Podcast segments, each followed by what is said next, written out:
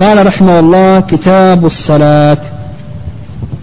آه مناسبة هذا الكتاب لما تقدم من أحكام الطهارة آه مناسبة ظاهرة. فإن المؤلف رحمه الله تكلم عن أحكام الطهارة كما سبق لنا وبعد أن تكلم عن أحكام الطهارة شرع في أحكام الصلاة. وذلك لأن الطهارة تخلية. فيها التخلية والصلاة فيها التحلية والوقوف بين يدي الله عز وجل والتخلية تكون قبل التحلية. فالإنسان يتخلى آه، من الحدث وأيضا يتنظف إلى آخره ثم يتحلى بعد ذلك بالوقوف بين يدي الله عز وجل. ولأن مفتاح الصلاة كما قال النبي عليه الصلاة والسلام مفتاح الصلاة الطهور. وتحريمها التكبير وتحليلها التسليم. ولا يقبل الله صلاة أحدكم إذا أحدث حتى يتوضأ. آه قال كتاب الصلاة. الصلاة في اللغة الدعاء. ومن ذلك ومنه قول الله عز وجل وصل عليهم أي ادعو لهم. وأما في الاصطلاح فهو التعبد لله عز وجل بأقوال وأفعال معلومة مختتمة مفتتحة بالتكبير ومختتمة بالتسليم. نقول في الاصطلاح التعبد لله عز وجل بأقوال وأفعال معلومة مفتتحة بالتكبير ومختتمة ومختتمة بالتسليم. قال روى عبادة بن الصامت إلى آخره والصلاة يعني آه، فرضيتها لا, لا آه، معلوم من الدين بالضرورة. والأدلة عليها ظاهرة من كتاب الله وسنة رسوله صلى الله عليه وسلم وإجماع إجماع المسلمين. فمن الكتاب قول الله عز وجل وأقيموا الصلاة وآتوا الزكاة وأما السنة فحيث ابن عباس في بعث معاذ إلى اليمن وفيه قول النبي عليه الصلاة والسلام لمعاذ إنك تأتي قوما من أهل الكتاب فليكن أول ما يدعوهم إليه شهادة أن لا إله إلا الله وأن محمد رسول الله فإنهم أجابوك لذلك فأخبرهم أن الله افترض عليهم خمس صلوات في اليوم والليلة. فإنهم أجابوك لذلك فأخبرهم أن الله افترض عليهم صدقة تؤخذ من أغنيائهم وترد على فقرائهم إلى آخر الحديث. والإجماع من قائم على ذلك. قال روى عبادة, عبادة بن الصامت. قال سمعت رسول الله صلى الله عليه وسلم يقول خمس صلوات كتبهن, كتبهن الله على العباد في اليوم والليلة فمن حافظ عليهن كان له عهد عند الله يدخله الجنة ومن لم يحافظ عليهن لم يكن له عند الله عهد إن شاء عذبه وإن شاء غفر له.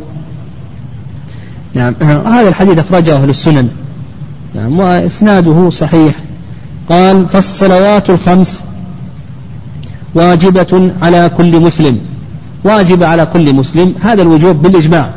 وتقدم الدليل على ذلك من كتاب الله وسنة رسوله صلى الله عليه وسلم. قال مسلم فقوله مسلم هذا يخرج الكافر فالكافر يتوجه إليه خطابان. الخطاب الأول خطاب وجوب الأداء والخطاب الثاني خطاب وجوب التكليف. أما بالنسبة لوجوب الأداء فلا يجب عليه أن يؤدي الصلاة يعني لا نأمره. لا نأمر الكافر أن يؤدي الصلاة لأنه فاقد الأصل وهو التوحيد. والله عز وجل قال وقدمنا إلى ما عملوا من عمل فجعلناه هباء منثورا. ما تنفع. فإذا كانت هذه الصلاة لا تنفع آه، آه، لم يكن هناك فائدة من أمره بأدائها.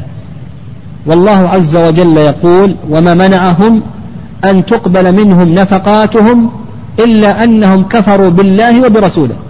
فالنفقات مع أن نفعها متعد ليس نفعا محضا لم تقبل من الكافر لأنه آه، كفر بالله وبرسوله فكذلك أيضا الصلاة. فنقول بالنسبة لوجوب الأداء نقول لا يجب عليه أن يؤدي بما ذكرنا من الدليل.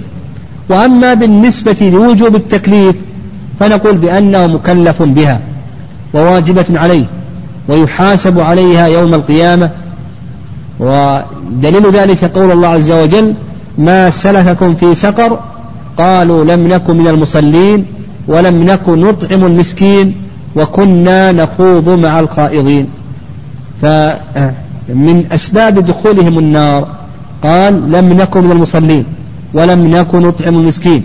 وكنا نخوض نخوض مع الخائضين. قال قال عاقل. يعني عاقل. بالنسبة للمجنون يعني المجنون ها؟ قبل ذلك عاقل.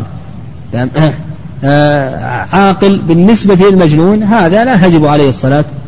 بحديث رفع القلم عن ثلاثة وذكر منهم النبي صلى الله عليه وسلم المجنون حتى يفيق. قال بالغ.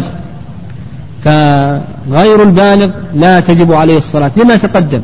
من حديث رفع القلم عن ثلاثة. وذكر النبي صلى الله عليه وسلم منهم المجنون حتى يفيق. حديث عائشة.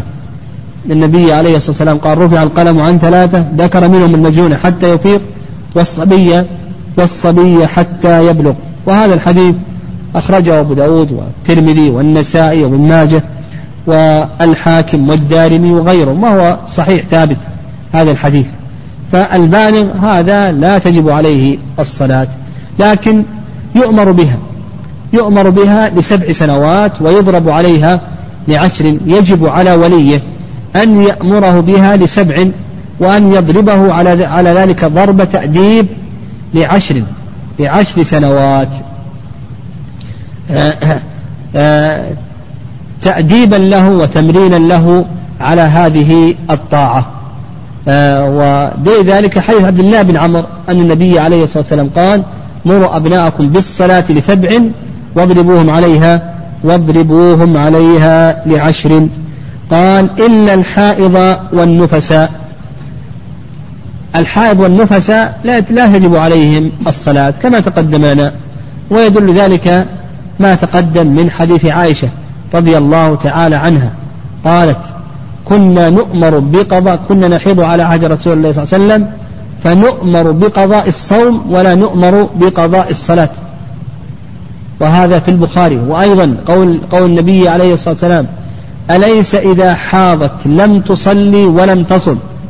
وقول النبي عليه الصلاة والسلام للمستحاضة كما تقدم إذا أقبلت الحيضة فدع الصلاة. إذا أقبلت حيضتك فدع الصلاة. فالحائض والنفس لا يجب عليهما لا تجب عليهما الصلاة. إلا أننا استثنينا حالتين تجب فيهما الصلاة. يعني ما هما هاتان الحالتان؟ استثنينا حالتين. نعم زين. هذه الحالة الأولى. أدرك من آخر الركع الوقت ركعة واحدة. والحالة الثانية؟ في نفسها قبل خروج الوقت. من آخر الوقت قبل خروج الوقت. بقي الحالة الثانية. ها؟ نعم. ها؟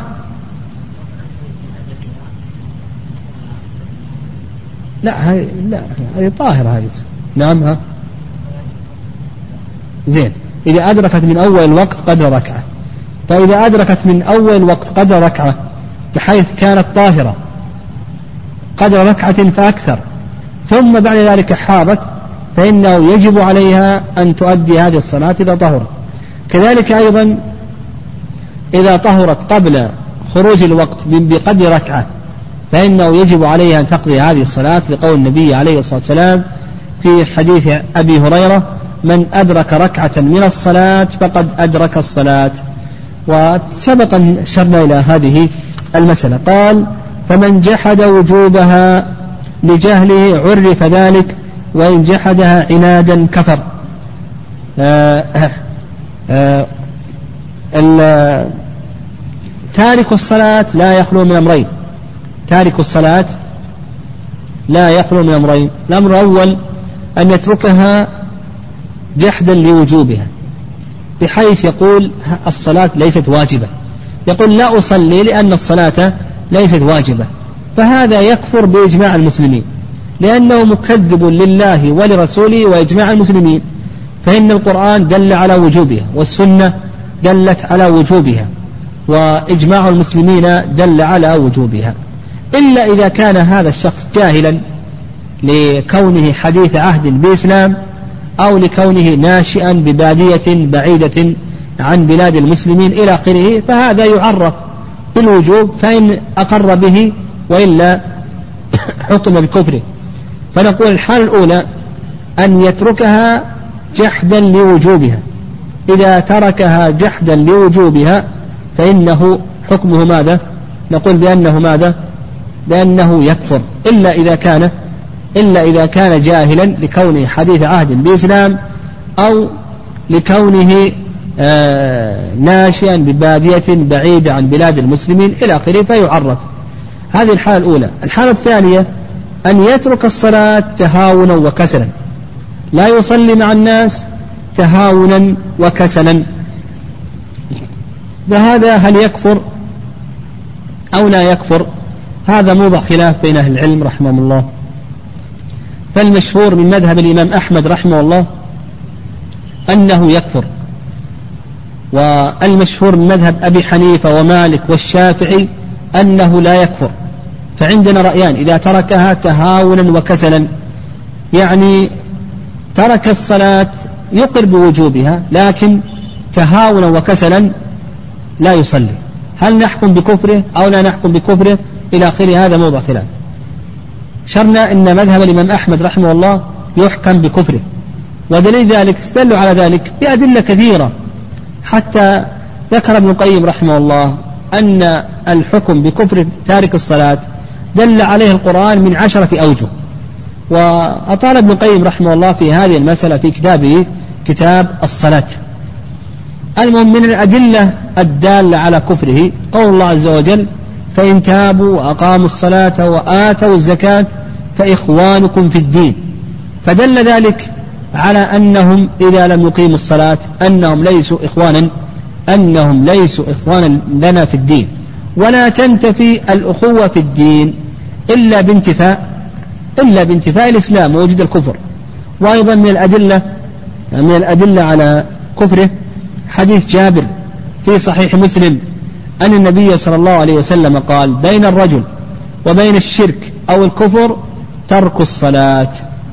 وقال الشرك أو الكفر أتى بأل التي تفيد الاستغراق يشمل الكفر الأكبر والكفر الأصغر. وأيضا حديث بريدة حديث بريدة رضي الله تعالى عنه النبي عليه الصلاة والسلام قال العهد الذي بينه وبينهم الصلاة فمن تركها فقد كفر. وأيضا ورد ذلك عن الصحابة وشيخ الإسلام تيمية رحمه الله ذكر آثارا كثيرة عن الصحابة في كفره وكذلك أيضا اللالكائي وغيرهم غيرهما من أهل العلم ذكروا آثار الصحابة. وقال عبد الله بن شقيق ما أجمع أصحاب محمد على شيء تركه كفر من الأعمال إلا الصلاة إلا الصلاة. ورد نحو هذا عن جابر رضي الله تعالى عنه. أما الذين قالوا بأنه لا يكفر كما قلنا هو مذهب أبي حنيفة وأيضا مالك والشافعي. فاستلوا على ذلك بأدلة من أدلتهم آه أحاديث الرجاء. أحاديث الأحاديث أحاديث الرجاء الأحاديث التي ورد فيها الترغيب الكثير والثواب العظيم.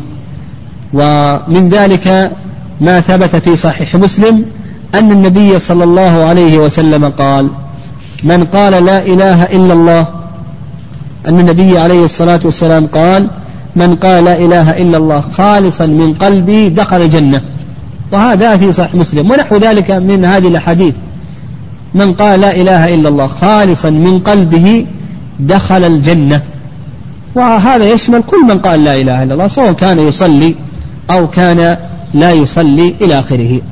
وأيضا استدلوا بحديث حذيفة رضي الله تعالى عنه. أن النبي صلى الله عليه وسلم قال يدرس الإسلام كما يد كما يدرس وش الثوب. يدرس الإسلام كما يدرس وش الثوب. حتى لا يبقى صلاة ولا صيام ولا صدقة ولا نسك. حتى لا, يبقى صلاة ولا صيام ولا صدقة ولا يسرى على كتاب الله عز وجل حتى لا يبقى منه آية. فيبقى الشيخ الكبير والمرأة العجوز يقولون لا إله إلا الله. أدركنا آباءنا يقولونها فنحن نقولها. فقال صلة بن زفر, آه، بن زفر آه، لحذيفة ما تنفعهم لا إله إلا الله؟ قال تنجيهم من النار. قال الشاهد هنا قوله تنجيهم من النار. لأن هذا الحديث حديث حذيفة يدرس الإسلام كما يدرس وش الثوب إلى آخره وفيه قال حتى يبقى الشيخ الكبير والمرأة الكبيرة يقولون لا إله إلا الله أدركنا آباءنا يقولونها فنحن نقولها. فقال صلة ما تنفعهم لا إله إلا الله؟ قال تنجيهم من النار. وهذا أخرجه ابن ماجه هذا الحديث وإسناده نعم إسناده صحيح. وكذلك أيضا استدلوا بحيث عبادة ابن الصامت الذي أورده المؤلف. سمعت رسول الله صلى الله عليه وسلم يقول خمس صلوات كتبهن الله على العباد في اليوم والليلة فمن حافظ عليهن كان له عهد عند الله يدخله الجنة. ومن لم يحافظ عليهن لم يكن له عند الله عهد إن شاء عذبه وإن شاء غفر له. فقوله إن شاء عذبه وإن شاء غفر له ها هذا يدل على ماذا؟ يدل على عدم الكفر لأن قول لأنه قال إن شاء غفر له والكافر لا يغفر له الكافر لا يغفر له. والأقرب في هذه المسألة وما ذهب إليه الإمام أحمد رحمه الله وأن تارك الصلاة أنه يكفر يعني بصراحة الأدلة على ذلك. وأما ما استدل به الجمهور على عدم كفره إلى آخره فنقول بالنسبة لأحاديث الرجاء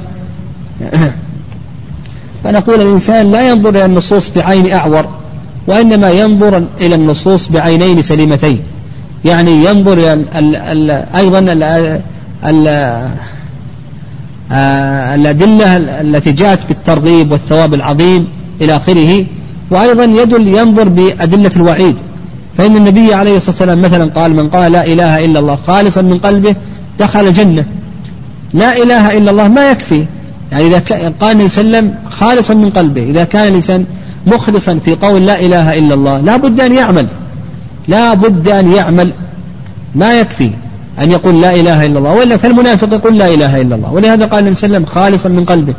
ولا يقول الإنسان لا إله إلا الله خالصا من قلبه إلا إذا عمل إلا إذا عمل بشرائع الإسلام وخصوصا خصوصا الصلاة. و آه، ولهذا قال الزهري لا إله إلا الله مفتاح الجنة. لكن من جاء بمفتاح له أسنان فتح له. وإلا لم يفتح له. فما يكفي أن يقول الإنسان لا إله إلا الله بل لا بد من العمل. نعم لا بد من العمل. ولا يكون الإنسان مخلصا في هذه الكلمة إلا إذا عمل وخصوصا الصلاة التي ورد النص في كفر تاركها. وأما بالنسبة للحديث حديث حذيفة رضي الله تعالى عنه يقول أدركنا آباءنا إلى آخره فهؤلاء معذورون بالجهل. هؤلاء أدركوا آباءهم على هذه الكلمة فيقولون هذه الكلمة هذا مبلغ هذا مبلغ علمهم. ف آه، يعذرون بذلك. يعذرون بذلك. وأما بالنسبة لحديث لحديث آه، لحديث عبادة الذي أورده المؤلف فمن حافظ عليهن آه، في الحديث من حافظ عليهن بركوعهن وخشوعهن وسجودهن كان له عهد عند الله يدخله الجنة ولم يحافظ عليهن يعني بهذه الأشياء بالركوع والخشوع إلى آخره. فلا يؤدي ذلك ترك الصلاة. يعني هو في الحديث فمن حافظ عليهن يعني بركوعهن وخشوعهن إلى آخره كما جاء في الحديث. ولم يحافظ عليهن يعني بهذه الأشياء بهذه الأشياء لم يكن له عهد عند الله. فالأقرب في هذه المسألة أنه يكفر تارك الصلاة تهاونا وكسلا. لكن هل يكفر بمجرد ترك صلاة أو صلاتين؟ أو نقول لا بد أن أن أن يترك الصلاة بالكلية. فإذا كان يصلي ويخلي لا نحكم بكفره. هذا ما ذكره شيخ الإسلام تيمية رحمه الله في شرح العمدة وغيره. فيقول نحكم بكفره إذا ترك الصلاة بالكلية. أما إذا كان يصلي وقت ويترك وقت فهذا ما يظهر أنه يحكم بكفره. لأنه يعتبر مصلي. لا نحكم بكفره إلا إذا ترك الصلاة بالكلية. فإذا كان لا يصلي بالكلية يعني مثلا على أقل شيء يمر عليه أسبوع لأن أسبوع هذا في أيام الدنيا. ولم يصلي لله عز وجل فنقول هذا هو الذي يحكم بكفره. أما إذا كان يصلي هذا اليوم ويترك اليوم الثاني إلى آخره فهذا لا يظهر أنه يحكم بكفره. قال قال رحمه الله وإن جحدها عنادا كفر ولا واعلم أن جمهور أهل العلم رحمهم الله قالوا بأن تارك الصلاة يقتل. جمهور العلماء إلا إلا أبو حنيفة أبو حنيفة رحمه الله. يعني حتى الذين قالوا بأنه لا يكفر قالوا بأنه يقتل مثل المالكية والشافعية يقولون بأن تارك الصلاة لا يكفر مع ذلك يقولون بأنه إيه، يقتل تارك الصلاة. ودليل ذلك حيث ابن عمر أن النبي عليه الصلاة والسلام قال أمرت أن أقاتل الناس حتى يقولوا لا إله إلا الله وأني رسول الله ويقيم الصلاة ويؤتوا الزكاة. ويقيم الصلاة ويؤتوا الزكاة. هذه ابن عمر في الصحيحين. فقال أمرت أن يقاتل الناس حتى يقولوا لا إله إلا الله ويقيموا الصلاة ويؤتوا الزكاة. يعني إلا عند أبي حنيفة رحمه الله فإنه لا يرى قتله وإنما يرى أنه يحبس حتى يصلي. يعني قال ولا يحل تأخيرها عن عن وقت وجوبها إلا لناوي إلا لناوي جمعها أو مشتغل بشرطها نعم. لا يحل تأخير الصلاة عن وقتها. تأخير الصلاة عن وقتها هذا محرم ولا يجوز. ويدل ذلك قول الله عز وجل إن الصلاة كانت على المؤمنين كتابا موقوتا أي مفروضا في الأوقات. قال عمر رضي الله تعالى عنه إن للصلاة وقتا اشترطه الله لها لا تصلح إلا به. وقال الله عز وجل وويل للمصلين. الذين هم عن صلاتهم ساهون. قال ابن مسعود وسعد بن أبي وقاص لم يتركوها بالكلية. تركها بالكلية كفر وإنما أخروها عن مواقيتها فتوعدهم الله عز وجل بالويل. فتأخير الصلاة عن وقتها هذا نقول بأنه محرم ولا يجوز. لا يجوز للإنسان أن يؤخر الصلاة عن وقتها. وأيضا قال النبي عليه الصلاة والسلام في حديث أبي قتادة أما إنه ليس في النوم تفريط. إنما, إنما التفريط على من لم يصلي الصلاة حتى يجيء وقت الصلاة الأخرى. رواه مسلم. إنما التفريط على من لم يصلي الصلاة حتى يجيء وقت الصلاة الأخرى. فسماه النبي صلى الله عليه وسلم مفرطا. فتأخير الصلاة عن وقت هذا محرم ولا يجوز. وفعل الصلاة خارج الوقت هنا أقل بشرط هو أعظم شروط الصلاة. يعني العلماء يذكرون كشيخ الإسلام وغيره أن شرط الوقت أعظم من شرط الطهارة وأعظم من شرط ستر العورة. يعني كون الإنسان يصلي الفجر بعد الشمس هذا مثل الذي يصلي بلا طهارة بل أعظم. لو أن إنسانا صلى وهو لم يرفع الحدث نقول صلاته غير صحيحة. كذلك أيضا لو صلى خارج الوقت تقول صلاته غير صحيحة. أو صلى وهو لم يستقبل القبلة أو صلى ولم يتطهر من الخبث أو يستر عورته وقت فعل الصلاة في وقتها أعظم من هذه الشروط كلها.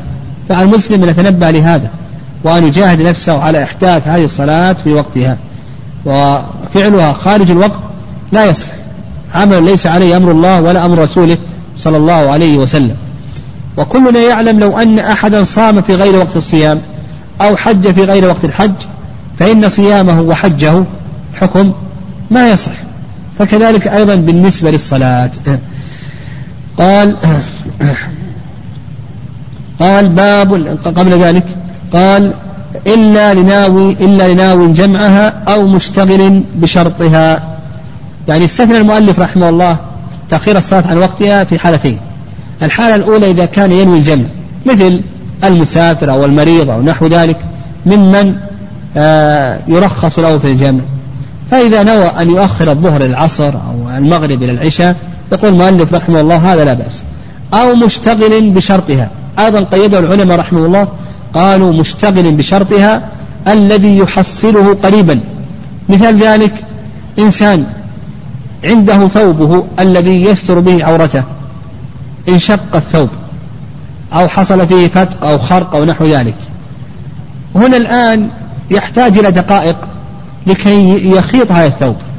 هنا الآن يحصل شرط من شروط الصلاة وهو ستر العورة. يحصل شرطا من شروط الصلاة وستر العورة. عندنا أمران إما نصلي الصلاة في وقتها أو يشتغل بخياطة الثوب أو بإخراج الماء مثلا حتى يحصل شرط الصلاة. يقول هنا لا بأس أنك تشتغل ما دام أنك أن, أن, أن, أن, هذه الخياطة لن تستغرق وقت طويل. دقائق. اشتغل بهذه الخياطة. واخط الثوب ولو خرج الصلاة. ولو خرج وقت الصلاة. تشتغل وتخيط ثوبك. ولو خرج وقت الصلاة ما دمت أنك تحصله قريبا. هذا الشرط تحصله قريبا. أو مثلا الماء تحصله قريبا. ما في بأس. حتى لو خرجت الصلاة عن وقتها. والصواب في هذا الصواب في هذا في هذه المسألة أنه يجب على الإنسان يصلي الصلاة في وقتها على حسب حاله ولا يجوز له أن يؤخرها. فلو أن ثوبه انشق عليه ونحو ذلك فنقول يجب عليك أن تصلي الصلاة في وقتها ولا يجوز لك أن تؤخرها عن وقتها. قال فإن تركها تهاون استتيب ثلاثا فإن تاب وإلا قتل. تقدم لنا أن تارك الصلاة عند جمهور أهل العلم رحمه الله يقتل أو لا يقتل قالوا بأنه يقتل. ودليلهم على ذلك أدلة كثيرة من حديث ابن عمر أمرت أن أقاتل الناس حتى يقولوا أني لا حتى يقولوا لا إله إلا الله وأني رسول الله ويقيموا الصلاة ويؤتوا الزكاة. وهذا في الصحيحين. وأيضا أبو بكر رضي الله تعالى عنه معه الصحابة قاتلوا, قاتلوا تاركي الصلاة. يعني فإلا عند أبي حنيفة رحمه الله فإنه قال يحبس. وذكرنا هل يكفر أو لا يكفر ذكرنا الخلاف في هذه المسألة. لكن قال المؤلف رحمه الله لا يقتل حتى يستتاب ثلاثة أيام. ويدل ذلك ما ورد عن عمر أنه بلغه أن رجلا ارتد فقتل. فقال عمر رضي الله تعالى عنه هل استتبتموه ثلاثة وأطعمتموه كل يوم رغيفة؟ لعله يتوب فيتوب الله عليه. وهذا الأثر الوارد عن عمر رضي الله تعالى عنه ضعيف. والرأي الثاني أنه لا حاجة إلى الاستتابة. لا حاجة إلى أن نستتيبه ثلاثة أيام. لحديث ابن عباس في البخاري أن النبي صلى الله عليه وسلم قال من بدل دينه فاقتلوه. فقال النبي عليه الصلاة والسلام في المرتد من بدل دينه فاقتلوه. ولم يقيد النبي صلى الله عليه وسلم ذلك ثلاثة أيام. وأيضا في البخاري أثر معاذ وأبي موسى فإن معاذ أتى أبا موسى وإذا رجل مقيد. في اليمن رجل مقيد فسأل عن ذلك فأخبر أنه آه، آه، ارتد عن دينه. فقال معاذ لا أنزل حتى يقتل فقتل. الحمد لله والصلاة والسلام على رسول الله. قال فإن تاب وإلا قتل قلنا هل يستتاب أو لا يستتاب؟ ذكرنا في ذلك رأيين. الرأي الأول أنه يستتاب ثلاثا لورود ذلك عن عمر لكن هذا الأثر ضعيف. والرأي الثاني أنه لا يستتاب وذكرنا دليل ذلك. والأقرب في مثل هذا بالنسبة للسيابة المرتد كما ذكر شيخ الإسلام تيمية رحمه الله أنه يرجع في ذلك إلى اجتهاد الحاكم. يرجع في ذلك إلى اجتهاد الحاكم. فالحاكم إن رأى أن يستتيبه استتابه وإن, وإن رأى أن لا يستتيبه فإنه لا يستتيبه. يعني إذا قامت قرائن على قربه من الخير ورجوعه إلى آخره فيستتيبه وإن قامت القرائن على خلاف ذلك فإنه لا يستتيب. قال المؤلف رحمه الله باب الأذان والإقامة وهما مشروعان للصلوات الخمس دون غيرها للرجال دون النساء. الأذان في اللغة الإعلام. ومن ذلك قول الله عز وجل وأذان من الله ورسوله أي إعلام. وأما في الاصطلاح فهو التعبد لله عز وجل بالإعلام بمواقيت الصلاة التعبد لله عز وجل بالإعلام بدخول وقت الصلاة بألفاظ مخصوصة. نقول التعبد لله عز وجل بالإعلام بدخول وقت الصلاة بألفاظ مخصوصة. يعني قبل أن ننتهي من الدرس نحب أن ننبه أن هذا الدرس هو آخر درس. يعني في رمضان رمضان ليس فيه دروس. فإن شاء الله ستتوقف الدروس إلى أول الفصل الثاني. إلى أول الفصل الثاني في شهر ذي القعدة بإذن الله. لأن رمضان دروس قد تكون متعذرة بعد رمضان انشغل الطلبة بالامتحانات فإن شاء الله مع بداية الفصل الثاني بإذن الله. استأنف الدروس إن شاء الله. وأما الإقامة في اللغة فهي مصدر أقام أي جعل الشيء مستقيما. مصدر أقام أي جعل الشيء مستقيما. وأما في الاصطلاح فهي التعبد لله عز وجل بالإعلام بالقيام إلى الصلاة بألفاظ مخصوصة. نقول التعبد لله عز وجل بالإعلام بالقيام إلى الصلاة بألفاظ مخصوصة. يقول المؤلف رحمه الله وهما مشروعان. الأذان والقيام الإقامة دل عليهما القرآن والسنة والإجماع إجماع المسلمين. أما القرآن ففي قول الله عز وجل وإذا ناديتم إلى الصلاة اتخذوها هزوا ولعبا. والسنة كما سيأتينا إن شاء الله في الأحاديث في الباب وهي كثيرة جدا والإجماع قائم على ذلك قائم على مشروعية الأذان والإقامة. لكن قال المؤلف رحمه الله هما مشروعان.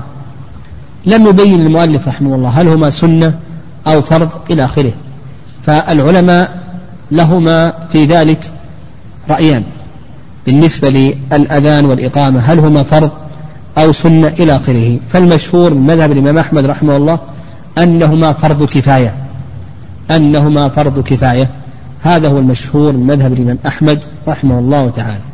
والرأي الثاني رأي أبي حنيفة أيضا الشافعي أنهما سنة.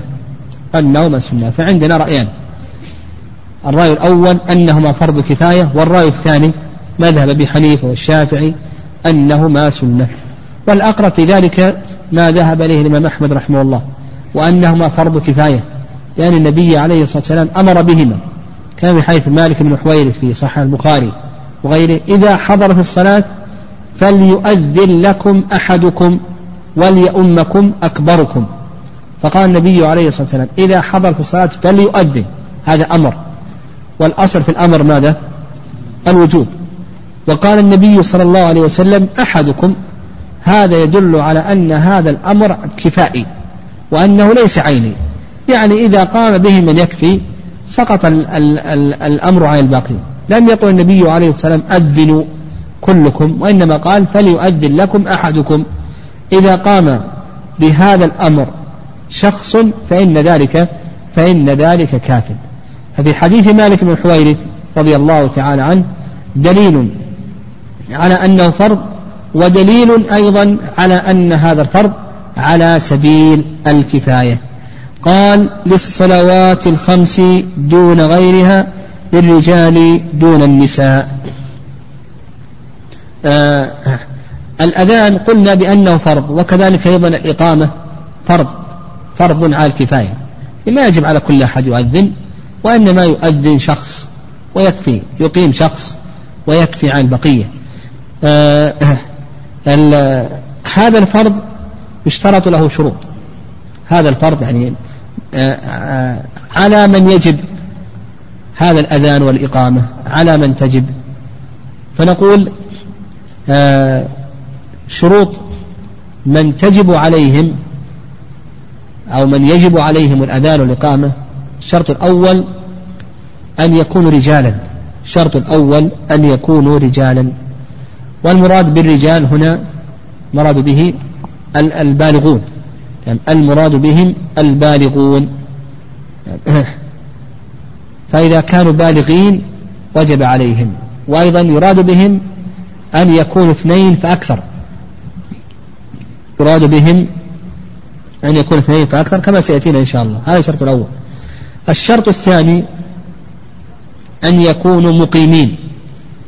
فإن كانوا مسافرين لم يجب عليهم الأذان والإقامة وإنما يكون مستحبا. وهذا هو المشهور مذهب الإمام أحمد رحمه الله. والرأي الثاني أنه يجب الأذان والإقامة أن الأذان والإقامة يجب على المسافرين ويجب أيضا على المقيمين. يجب على المسافرين كما يجب على المقيمين. وهذا القول هو الصواب. ويدل ذلك أن النبي عليه الصلاة والسلام قال لمالك بن حويرث ومن معه وهم مسافرون. قال إذا حضرت الصلاة فليؤذن لكم أحدكم وليؤمكم أكبركم وهم مسافرون. فالصواب في ذلك أنه يجب على المسافرين كما يجب على المقيمين. الشرط الثالث أن تكون هذه الصلوات مؤدات. أن تكون هذه الصلوات مؤدات. فإن كانت مقضية فإنه لا يجب لا يجب لها الأذان والإقامة فالشرط الثاني أن تكون مؤدات. وأيضا هذا هو المشهور مذهب الإمام أحمد رحمه الله. والصواب في هذا أيضا أن الأذان والإقامة كل منهما يجب للصلوات المؤدات ويجب أيضا للصلوات المقضيات. لأن قول النبي صلى الله عليه وسلم في حديث مالك بن حويرث إذا حضرت الصلاة فليؤذن لكم أحدكم وليؤمكم أكبركم. هذا يشمل حضور الصلاة في الوقت ويشمل حضور الصلاة بعد خروج الوقت وهي المقضية. نقول يشمل حضور الصلاة في وقتها ويشمل أيضا حضور الصلاة بعد وقتها. يعني يشمل يعني يشمل الأمرين الشرط الرابع أن يكون جماعة. يعني لكي يجب الأذان والإقامة لا بد أن يكونوا جماعة. والمراد بالجماعة أن يكون اثنين فأكثر. أن يكون اثنين فأكثر. هذا هو المراد بالجماعة. أما إن كان واحدا يعني كان مسافر واحد أو كان مثلا في بادية أو مثلا في مزرعة أو نحو ذلك فالأذان والإقامة له سنة وليس واجبا. لا يجب عليه أن يؤذن ولا يجب عليه أن يقيم لكن يستحب له أن يؤذن ويستحب له أن يقيم. لكن إذا كانوا جماعة والمراد بالجماعة اثنان فأكثر لأنهما هما اللذان تنعقد بهما الجماعة. الشرط الخامس أن يكونوا أحرارا.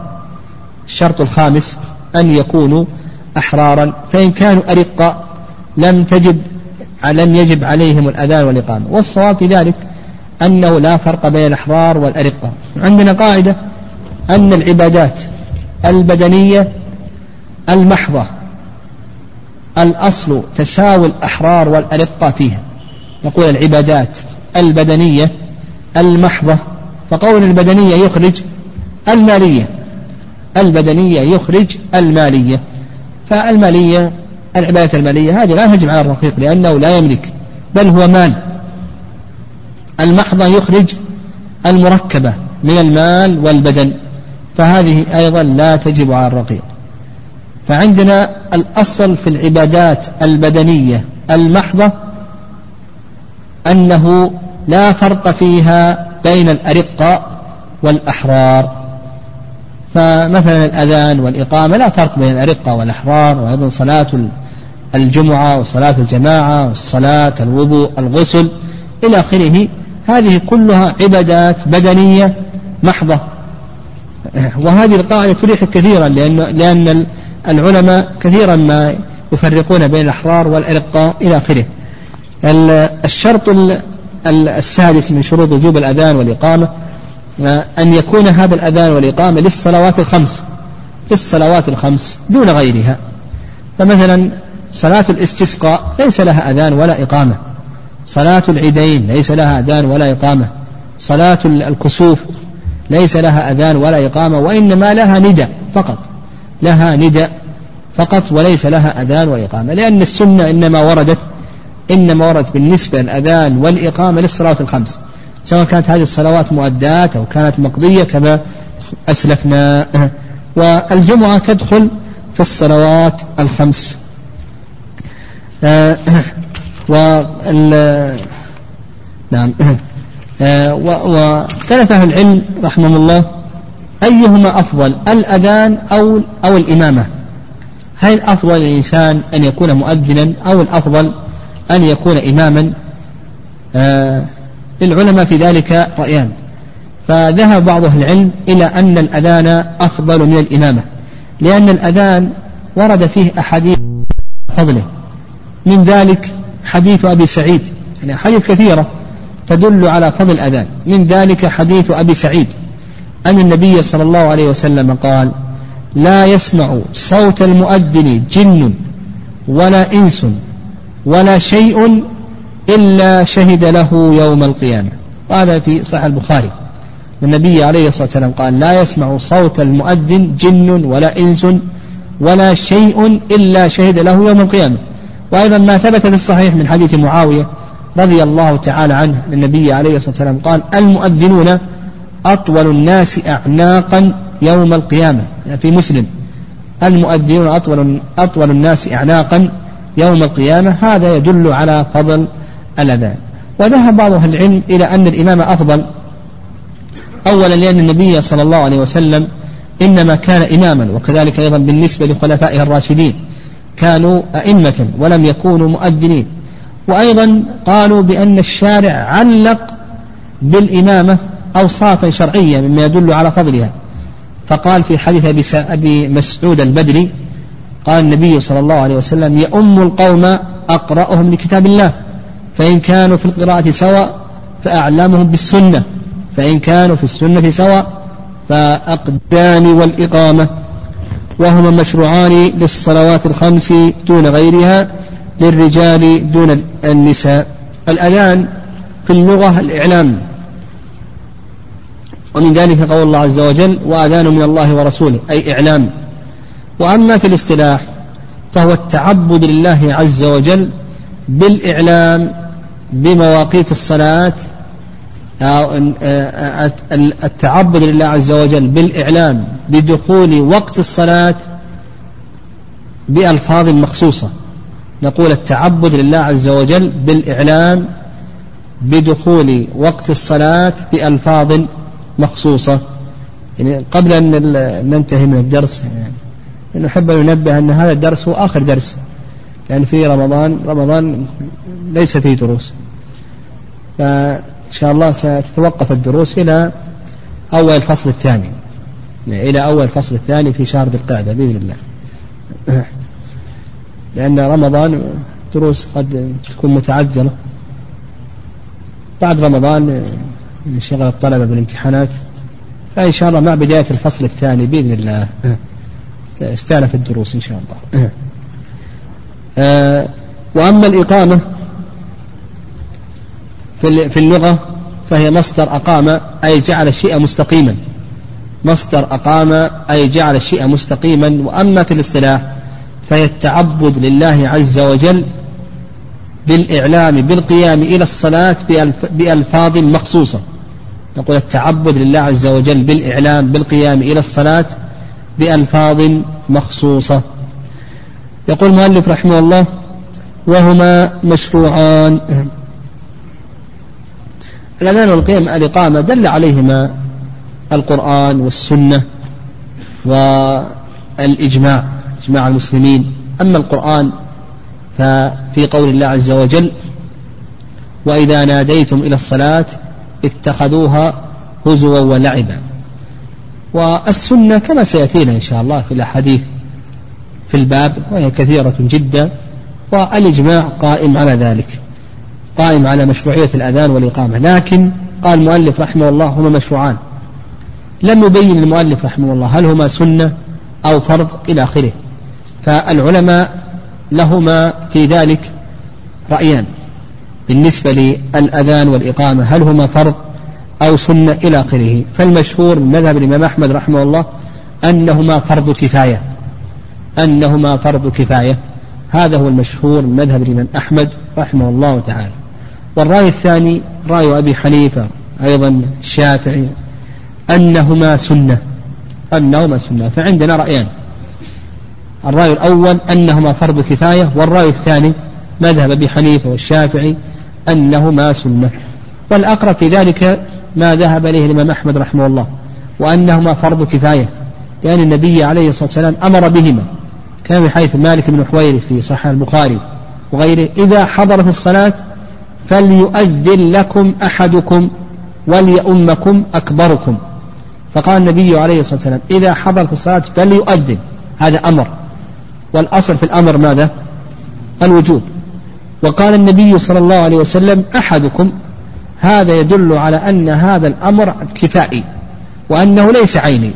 يعني إذا قام به من يكفي سقط ال ال ال الأمر عن الباقين لم يقل النبي عليه الصلاة والسلام أذنوا. كلكم وإنما قال فليؤذن لكم أحدكم. إذا قام بهذا الأمر شخص فإن ذلك فإن ذلك كاف.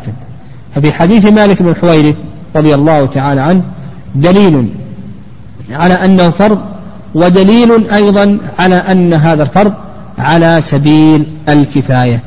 قال للصلوات الخمس دون غيرها للرجال دون النساء. آه الأذان قلنا بأنه فرض وكذلك أيضا الإقامة فرض فرض على الكفاية. ما يجب على كل أحد يؤذن وإنما يؤذن شخص ويكفي يقيم شخص ويكفي عن البقية آه هذا الفرض يشترط له شروط. هذا الفرض يعني آه، على من يجب هذا الأذان والإقامة على من تجب. فنقول شروط من تجب عليهم أو من يجب عليهم الأذان والإقامة الشرط الأول أن يكونوا رجالا. الشرط الأول أن يكونوا رجالا. والمراد بالرجال هنا مراد به البالغون. المراد بهم البالغون. فإذا كانوا بالغين وجب عليهم. وأيضا يراد بهم أن يكونوا اثنين فأكثر. يراد بهم أن يكون اثنين فأكثر كما سيأتينا إن شاء الله. هذا الشرط الأول. الشرط الثاني أن يكونوا مقيمين. فإن كانوا مسافرين لم يجب عليهم الأذان والإقامة وإنما يكون مستحبا. وهذا هو المشهور من مذهب الإمام أحمد رحمه الله. والرأي الثاني أنه يجب الأذان والإقامة. أن الأذان والإقامة يجب على المسافرين ويجب أيضا على المقيمين. يجب على المسافرين كما يجب على المقيمين. وهذا القول هو الصواب. ويدل ذلك أن النبي عليه الصلاة والسلام قال لمالك بن حويرث ومن معه وهم مسافرون. قال إذا حضرت الصلاة فليؤذن لكم أحدكم وليؤمكم أكبركم وهم مسافرون. فالصواب في ذلك أنه يجب على المسافرين كما يجب على المقيمين. الشرط الثالث آه، أن تكون هذه الصلوات مؤدات. أن تكون هذه الصلوات مؤدات. فإن كانت مقضية فإنه لا يجب لا يجب لها الأذان والإقامة. فالشرط الثاني أن تكون مؤدات. وأيضا هذا هو المشهور مذهب الإمام أحمد رحمه الله. والصواب في هذا أيضا أن الأذان والإقامة كل منهما يجب للصلوات المؤدات ويجب أيضا للصلوات المقضيات. لأن قول النبي صلى الله عليه وسلم في حديث مالك بن حويرث إذا حضرت الصلاة فليؤذن لكم أحدكم وليؤمكم أكبركم. هذا يشمل حضور الصلاة في الوقت ويشمل حضور الصلاة بعد خروج الوقت وهي المقضية. نقول يشمل حضور الصلاة في وقتها ويشمل أيضا حضور الصلاة بعد وقتها. يعني يشمل نعم يشمل الأمرين الشرط الرابع أن يكونوا جماعة. يعني لكي يجب الأذان والإقامة لا بد أن يكونوا جماعة. والمراد بالجماعة أن يكونوا اثنين فأكثر. أن يكونوا اثنين فأكثر. هذا هو المراد بالجماعة. أما إن كان واحدا يعني كان مسافر واحد أو كان مثلا في بادية أو مثلا في مزرعة أو نحو ذلك فالأذان والإقامة له سنة وليس واجبا. لا يجب عليه أن يؤذن ولا يجب عليه أن يقيم لكن يستحب له أن يؤذن ويستحب له أن يقيم. لكن إذا كانوا جماعة والمراد بالجماعة اثنان فأكثر لأنهما هما اللذان تنعقد بهما الجماعة. الشرط الخامس أن يكونوا أحرارا. الشرط الخامس أن يكونوا أحرارا فإن كانوا أرقاء لم تجب لم يجب عليهم الأذان والإقامة. والصواب في ذلك أنه لا فرق بين الأحرار والأرقة عندنا قاعدة أن العبادات البدنية المحضة الأصل تساوي الأحرار والأرقة فيها. نقول العبادات البدنية المحضة فقول البدنية يخرج المالية. البدنية يخرج المالية. فالمالية العبادة المالية هذه لا تجب على الرقيق لأنه لا يملك بل هو مال. المحضة يخرج المركبة من المال والبدن فهذه أيضا لا تجب على الرقيق. فعندنا الأصل في العبادات البدنية المحضة أنه لا فرق فيها بين الأرقة والأحرار. فمثلا الأذان والإقامة لا فرق بين الأرقة والأحرار وأيضا صلاة الجمعة وصلاة الجماعة والصلاة الوضوء الغسل إلى آخره. هذه كلها عبادات بدنية محضة. وهذه القاعدة تريح كثيرا لأن لأن العلماء كثيرا ما يفرقون بين الأحرار والأرقاء إلى آخره. الشرط السادس من شروط وجوب الأذان والإقامة أن يكون هذا الأذان والإقامة للصلوات الخمس. للصلوات الخمس دون غيرها. فمثلا صلاة الاستسقاء ليس لها أذان ولا إقامة. صلاة العيدين ليس لها أذان ولا إقامة. صلاة الكسوف ليس لها أذان ولا إقامة وإنما لها نداء فقط. لها نداء فقط وليس لها أذان ولا إقامة. لأن السنة إنما وردت إنما وردت بالنسبة الأذان والإقامة للصلوات الخمس. سواء كانت هذه الصلوات مؤدات أو كانت مقضية كما أسلفنا. والجمعة تدخل في الصلوات الخمس. آه، وال نعم. آه، واختلف أهل العلم رحمهم الله أيهما أفضل الأذان أو أو الإمامة؟ هل الأفضل للإنسان أن يكون مؤذنا أو الأفضل أن يكون إماما؟ آه. للعلماء في ذلك رأيان. فذهب بعض أهل العلم إلى أن الأذان أفضل من الإمامة لأن الأذان ورد فيه أحاديث تدل على فضله. من ذلك حديث أبي سعيد يعني أحاديث كثيرة تدل على فضل الأذان. من ذلك حديث أبي سعيد أن النبي صلى الله عليه وسلم قال لا يسمع صوت المؤذن جن ولا إنس ولا شيء إلا شهد له يوم القيامة. هذا في صحيح البخاري. النبي عليه الصلاة والسلام قال لا يسمع صوت المؤذن جن ولا إنس ولا شيء إلا شهد له يوم القيامة. وأيضا ما ثبت في الصحيح من حديث معاوية رضي الله تعالى عنه النبي عليه الصلاة والسلام قال المؤذنون أطول الناس أعناقا يوم القيامة. في مسلم. المؤذنون أطول, أطول الناس أعناقا يوم القيامة. هذا يدل على فضل الأذان. وذهب بعض أهل العلم إلى أن الإمام أفضل. أولا لأن النبي صلى الله عليه وسلم إنما كان إماما وكذلك أيضا بالنسبة لخلفائه الراشدين. كانوا أئمة ولم يكونوا مؤذنين. وأيضا قالوا بأن الشارع علق بالإمامة أوصافا شرعية مما يدل على فضلها. فقال في حديث أبي مسعود البدري قال النبي صلى الله عليه وسلم يؤم القوم أقرأهم لكتاب الله. فإن كانوا في القراءة سواء فأعلمهم بالسنة. فإن كانوا في السنة سواء فأقدمهم هجرة. فإن كانوا في الهجرة سواء فأقدمهم سلما. إلى آخره.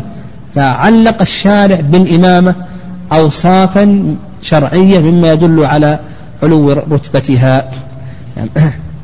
والأقرب في ذلك الأقرب في ذلك هو الرأي الأول وأن الأذان أفضل من الإمامة. وكون النبي عليه السلام علق بالإمامة أوصافا شرعية. نقول هذا يدل على فضل الإمامة وأن الإمامة لها فضل ولها مزية. وأما كون النبي صلى الله عليه وسلم لم يكن مؤذنا إلى آخره وأيضا الخلفاء لم يكونوا مؤذنين إلى آخره فلأن لأنهم شغلوا بأشياء أهم من مسألة الأذان والإقامة. يعني لأن الأذان والإقامة يحتاج إلى مجاهدة ومراتبة إلى آخره. فكونهم شغلوا بأشياء كونهم شغلوا بأشياء أعظم من مسألة الأذان لما يتعلق بتسيير أمور المسلمين والنظر في أحوالهم إلى آخره. هذه أعظم من مسألة الأذان. ولهذا ورد عن عمر رضي الله تعالى عنه أنه قال لولا الخلافة لأذنت لولا الخلافة لأذنت. فنقول الصواب في ذلك من حيث الجملة أن الأذان أفضل من الإمامة إلا قد يكون هناك شخص آه، آه، قد يقال له أو يكون في حقه يقول آه، بالنسبة لك أن الإمام أفضل من الأذان لأنه قد يكون طالب علم أو يكون قارئ أو نحو ذلك فهو يختلف. لكن من حيث الجملة من حيث الجملة الأذان أفضل من الإمامة لكن قد يكون في بعض الناس يختلف الحال. فنقول الأذان أو الإمامة في حقك أفضل. قال رحمه الله وهما مشروعان للصلوات الخمس دون غيرها للرجال دون النساء.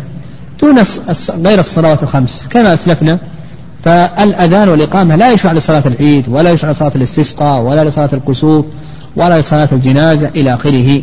وإنما الأذان والإقامة مشروعان للصلوات الخمس. لأن لأن لأنهما إنما وردا للصلوات الخمس دون غيرها من الصلوات. الكسوف يشرع لها النداء. أما ما عدا ذلك فإنه لا يشرع لها أذان ولا إقامة. قال للرجال دون النساء. للرجال دون النساء. الرجال دون النساء. أما النساء فلا يجب عليهن أذان ولا إقامة. يعني يعني إذا صلت النساء جماعة. لو أن النساء صلين جماعة فهل يؤذن ويقمن؟ أو نقول بأنهن لا يؤذن ولا يقمن. فلو أن نساء اجتمعنا وصلين جماعة هل نقول يشرع لكن أن تؤذن وأن تقمن؟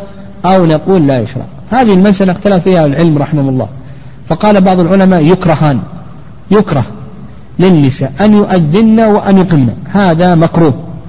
وقال بعض العلماء يباح ذلك يباح لهن أن يؤذن وأن, يقم وأن يقمن.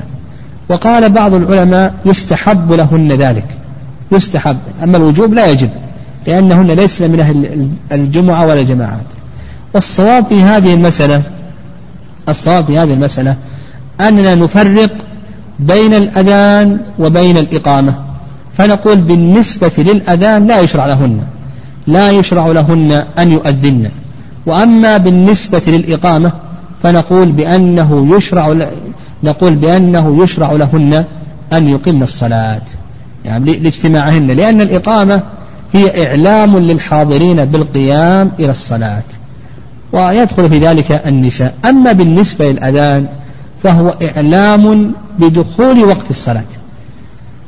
وهذا آه، لا يكون بالنسبة لا يكون بالنسبة للمرأة. وعلى هذا نقول إذا اجتمع النساء وصلين جماعة فإن الإقامة مشروعة لهن.